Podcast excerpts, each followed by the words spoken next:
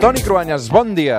Bon dia. Pocs minuts perquè obrin els col·legis electorals. Tot a punt? Tot a punt, sí, sí, tot a punt, hi ha paperetes a punt. Tu, tu, qui, tu quina hora vas a votar normalment, Cruanyes? A mig matí, mira, ara després Sí? de parlar amb tu uh, faré el segon que feia i Mm. cap allà, cap a votar, sí, sí. Tu votes a Barcelona o a Canet? Tu ets de Canet, no? Jo sóc de Canet de tota la vida, però fa uns quants anys que estic empadronat a Barcelona i voto aquí a l'Eixample dret. Doncs molt bé. Um, avui veurem. Jo sóc dels que va votar al migdia sempre, eh, per evitar la cua, perquè...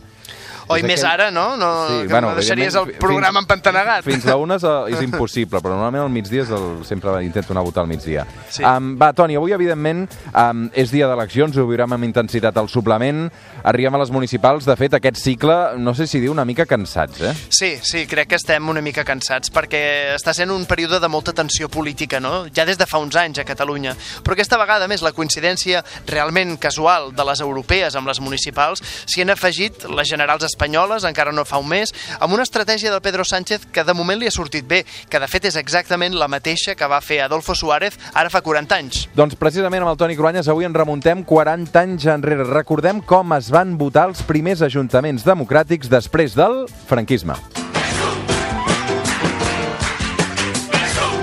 Alerta perquè això és la sintonia electoral que el SUC va utilitzar en aquelles eleccions municipals del 79, Toni. Devia ser molt modern, no?, això que sona Sí, ara. ara, a veure, puja, puja, puja, Albert.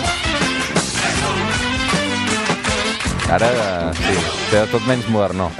Era el partit que tothom es pensava que guanyaria i de fet va ser per això, per evitar-ho, que Adolfo Suárez va fer com ara Pedro Sánchez, va convocar primer les eleccions generals pensant que ell en persona podria capitalitzar la bona imatge de la transició i això facilitaria que el seu partit acabat de crear, la UCD, tingués temps d'implantar-se a nivell municipal. Suárez i el búnquer franquista volien controlar el sistema de partits, per això es va legalitzar a última hora el Partit Comunista, per evitar que el PSOE acabés aglutinant tot el vot de l'esquerra. I de fet van idear un sistema electoral que a priori els era favorable. Exacte, el sistema electoral afavoreix les províncies rurals encara ara i també pel record de les municipals del 12 d'abril de 1931, convocades pel govern del rei Alfons XIII i que van resultar en una autèntica victòria dels republicans, que van acabar amb la fugida del mateix rei i finalment amb la instauració de la Segona República.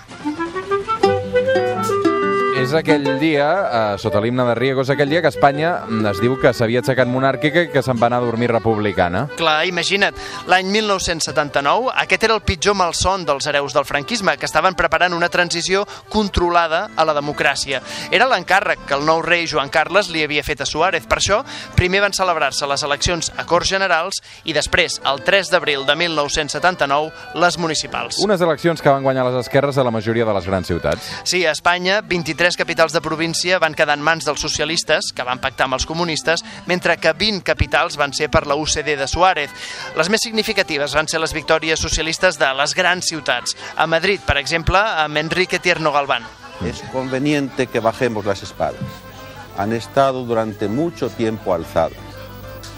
Los distintos partidos... Doncs aquest era Enrique Tierno Galván. A Catalunya el PSC es va convertir en una gran força municipal. Sí, amb alcaldes que ho serien durant moltes legislatures. Un dels més carismàtics va ser Joaquim Nadal, a Girona, que seria alcalde fins l'any 2002. Així és com va prendre possessió del càrrec el 1979. Prometo, per la meva consciència i honor, complir fidelment les obligacions del càrrec d'alcalde amb lleialtat al rei Clar, ara dius, i guardar... dius Quim Nadal i el que et ve al cap és uh, l'etapa de conseller, no tant la de- la la d'alcalde, no? Pels més joves, segurament. Clar, eh, és que de fet el municipalisme va ser la gran pedrera de quadres dirigents del PSC, del que es va nodrir anys més tard la Generalitat, amb Pasqual Maragall de president o José Montilla.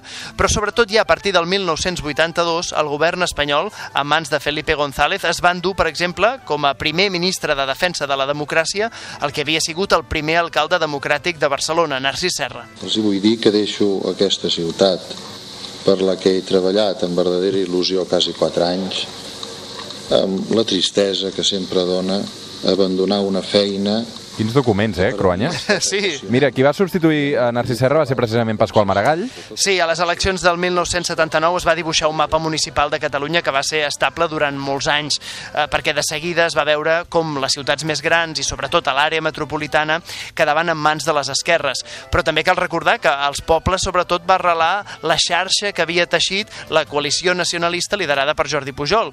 Convergència i Unió va manar molt. Convergència i Unió, anem tots a aixecar. Aquest era l'himne o la sintonia de Convergència de l'any 1979. Ja no es fan músiques com aquestes, Cruanyes, eh? Sí, no sé si és bona idea o mala idea, eh? perquè realment són molt explícits, eh? anem endavant, aixequem, parlaven d'una il·lusió o d'una nova etapa. Hem de pensar que els ajuntaments havien estat en mans franquistes durant 40 anys, així que molts regidors i alcaldes, aquell 1979, eren gent que no sabia d'administració. Mira, per exemple, el meu avi, que era lampista de professió, Sí. va ser el primer alcalde democràtic de Canet de Mar, aquell 1979, en una llista que eren el pastisser, l'empresari del tèxtil del poble, un mecànic, la gent del poble, vaja. L'avi Cruanyes alcalde, per tant, eh? Sí, era un moment històric. Jo crec que molta gent es va sentir interpel·lada aquella època, no? Almenys és el que he sentit explicar a casa. Una època d'il·lusió, una oportunitat per la democràcia després del franquisme. Eh, De fet, aquells ajuntaments d'ara fa 40 anys tenien governs sòlids, eh, mandats allò amb, amb, amb molts regidors, no? El qui aconseguia l'alcaldia normalment era amb un ampli suport.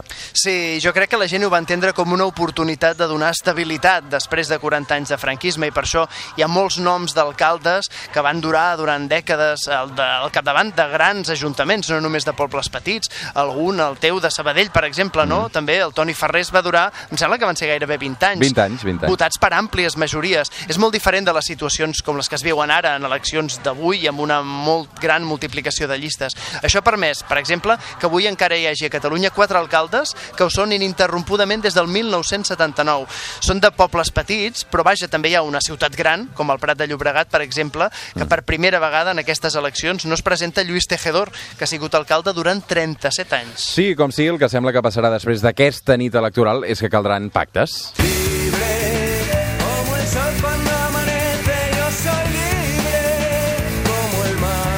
Avui pocs se sentiran lliures per governar aquest vespre. Cruanyes, una abraçada ben forta. Arribem amb el, amb el xaval de la Peca, avui fins les 9 del matí. Que vagi molt bé. Uns segons i obren els col·legis electorals. Una abraçada, Cruanyes. Bon dia.